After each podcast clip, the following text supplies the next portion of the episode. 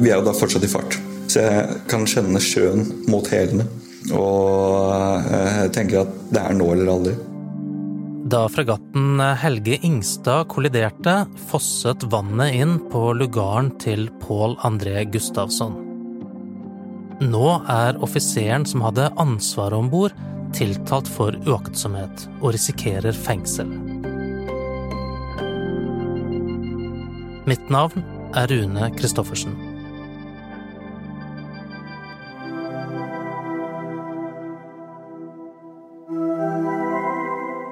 Så min rolle om bord var jo da primært å lage mat og lære meg kokkefaget på fregatt.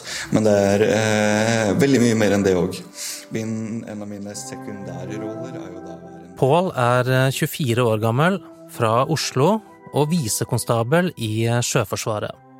Han stiller korrekt antrukket i uniform med en gul stripe på skulderen. Han er kokk, men han kan mer enn å lage mat. Da han tjenestegjorde på Helge Ingstad, var han også en del av Medic-teamet og godkjent røykdykker.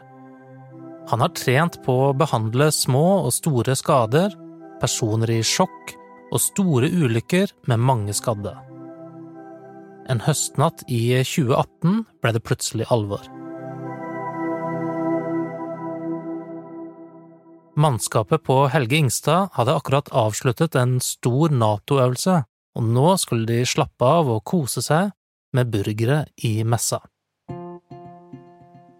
Vi pynter opp spisemessa, og vi setter på stearinlys og chilinøtter, og så er det liksom kryssord og gjør litt sånn diner-burgersjappe, da.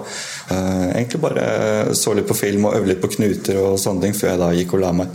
Skulle opp klokken seks på morgenen. Skipet er fullt av folk. Normal besetning er 132 personer, men nå er det 137 om bord. Fregatten er på vei til Skottland, og Paul og kollegene hans ser frem til noen fridager der.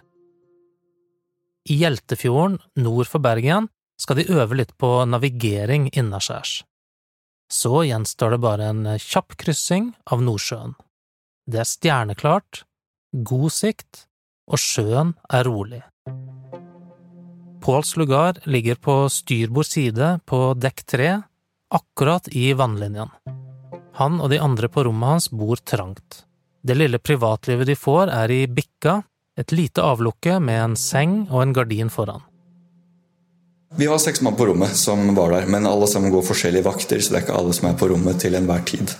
I tillegg på alle lugarene, sånn som egentlig er med hele båten, så går det jo eh, rør og kabler i hytte og pine i taket og rundt omkring og alt mulig.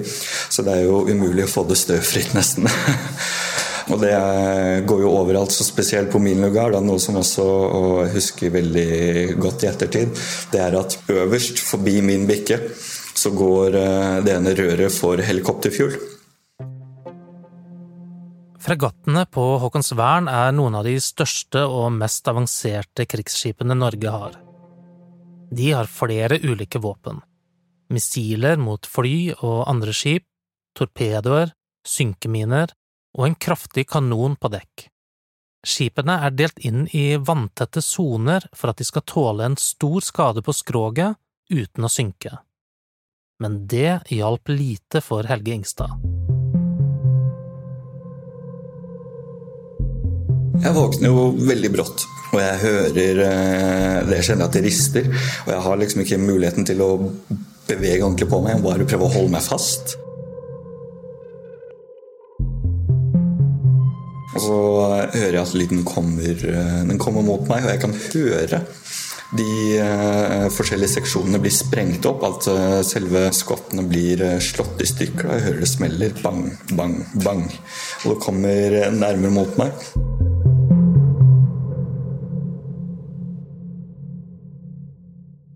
De norske fregattene er ikke akkurat noen småjoller, men i møte med tankskipet Sola TS blir Helge Ingstad liten. Sola TS er 250 meter lang, nesten det dobbelte av fregatten og fullastet av olje.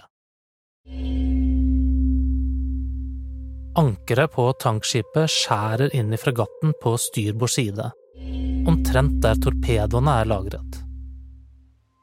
Skroget blir revet opp i en lang flenge akkurat der hvor Pål og kollegene hans ligger og sover. Og jeg tenkte Det er helt absurd, men det jeg tenkte, var miner. Fordi det smalt, da. Eh, og det kom mot meg, og jeg tenkte nå dør jeg. Og jeg hadde ikke noe særlig mulighet for å, å stikke av, liksom. Det, jeg skjønte at det kom så fort mot meg at jeg kunne ikke hoppe ut av bikka og, og, gjøre noe. Og det var heller ikke noe ordentlig mulighet for det. Det skjer så fort. Og da gjør jeg meg med en gang forberedt på hva som kommer til å møte meg, og det er jo så klart vann. Lugaren blir revet opp, og da er vi um, Båten krenger da fordi vi blir så dyttet, så krenger vi da mot babord. Så faller du da mot styrbord igjen, og da kommer det en kjempebølge inn på hele lugaren, husker jeg. Så ropte jeg 'flodding' umiddelbart. Samtidig som alt dette skjer, da, så hører jeg også skrik. da, Skriking over meg. Og det er jo de eh, damene som bor på offiserslugaren over, som opplever mye av det samme som jeg opplever. At hele lugaren deres blir bare revet opp som en uh, makrell liksom.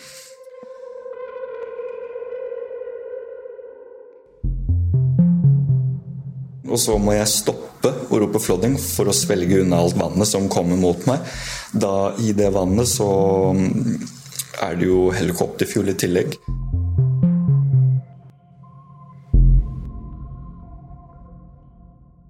Røret med drivstoff som går over Pauls seng, er revet i stykker.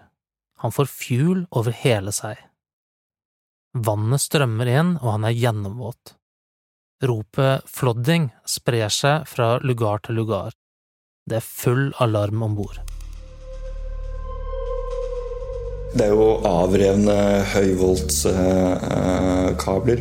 Så mellom mange av dem så ser jeg det går veldig kraftige lilla lysbuer som driver og hopper, og jeg husker det spraker og gnistrer. og så har vannet gått fra selve ankelen, og da begynner det å bevege seg opp mot kneet. Og da ser jeg den ene kabelen. Og den er ganske nærme det vannet vi står i. Jeg eh, heiser kroppen opp, mens de to andre de står liksom litt midt oppi det og klarer ikke helt å, å, å finne en utvei og blir litt låst.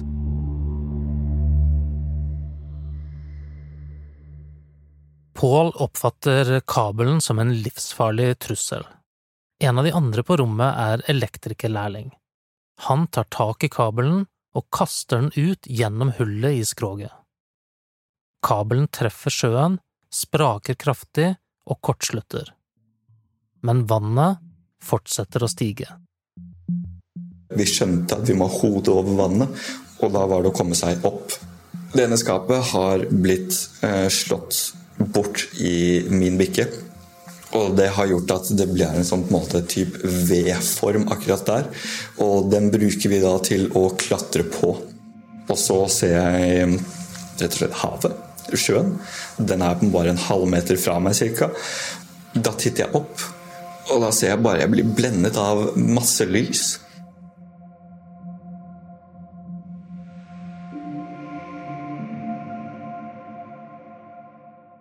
Det han ser, er lyskasterne på tankskipet. Han får øye på en skorstein med en bokstav på. Først nå skjønner han at det er ikke miner de har truffet, han tror det er et cruiseskip. Så ser jeg da en felleskokklærling felleskokkelærling sitte i den eh, veden vi klatret opp i. Gjør meg tanken om at vi kan jo være seks stykker på lugaren. Hvor er de to andre? Ser jeg da videre, på lugaren som er forut for oss. De har et litt annet scenario enn oss. For vi klatret på en måte opp, mens de var i en balje i sin egen lugar. Da. Så alt av vann som gikk inn, det, det fylte bare hele lugaren. Men det blir ikke noe ordentlig ord eller informasjon utvekslet. Da. Og det er mye fordi vi har nok med oss selv.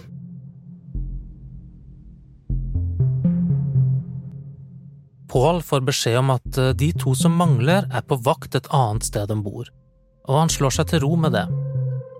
Så gjør han seg klar til å klatre videre oppover i fartøyet. Bak seg har han et stort, gapende hull der tankskipet nettopp har truffet.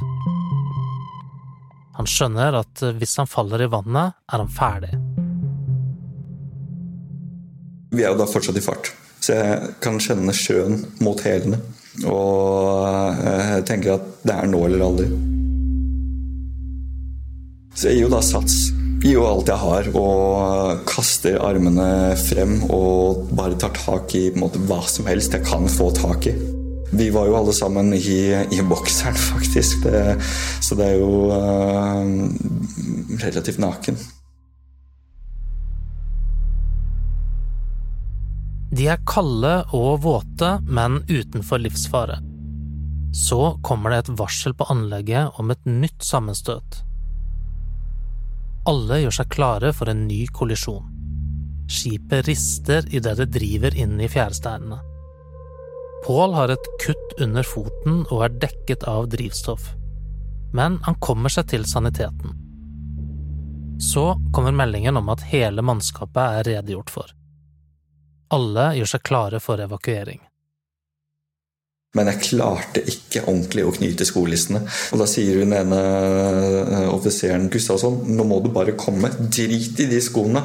Du har jo også det scenarioet hvor jeg plutselig spør han ene kokken om surdeigen vi har sammen. liksom Midt oppi dette. Det er jo helt absurd. Kan jeg ta med meg den surdeigen?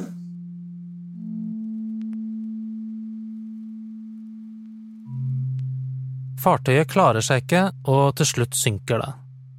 Havarikommisjonen slo senere fast at eh, skipet kunne vært reddet hvis besetningen hadde stengt dører, luker og ventiler. Men alle kommer seg ut av skipet uten alvorlige skader. Folk er seg selv. Det tror jeg de har vært gjennom hele scenarioet, men eh, da er det jo litt sånn galgenhumor og sånt. Da. Litt sånn militærhumor som er kanskje mest gir mening for oss, men og det var sånn 'Å nei, jeg har glemt å strekke bikka'.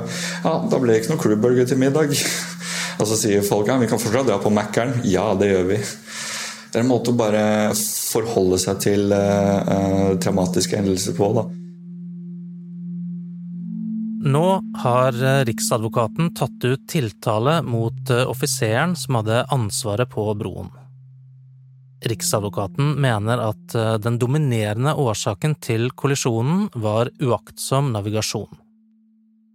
Vaktsjefen, som eh, var ansvarlig for navigeringen, er tiltalt for uaktsom forvoldelse av sjøskade og overtredelse av militær straffelov. Strafferammen er tre års fengsel. Både losen, kapteinen på Sola TS og en ansatt på trafikksentralen på Feie har fått sakene sine henlagt. Alt det som skjer etterpå med granskinger og rettssaker, hva betyr det for deg? Veldig lite, rett og slett. Da jeg forlot båten, så lot jeg på en måte Da la jeg Engstad bak meg. Og du har ikke noe problem med å dra ut igjen på fregatten nå? Nei. Ikke i det hele tatt. Man skulle nesten trodd det. Men uh, det som er mitt tilfelle, da, det er det at jeg, jeg vant over situasjonen. Så jeg, etter ulykken så husker jeg at jeg fikk en veldig selvtillit, veldig mestringsfølelse, som har egentlig fulgt meg hele veien. Denne episoden av eh, Hva skjedde? er laget av Anna Offstad, Henrik Svanvik og meg, Rune Christoffersen. Trykk gjerne abonner hvis du liker det du hører, og skriv til oss på hva skjedde at bt.no.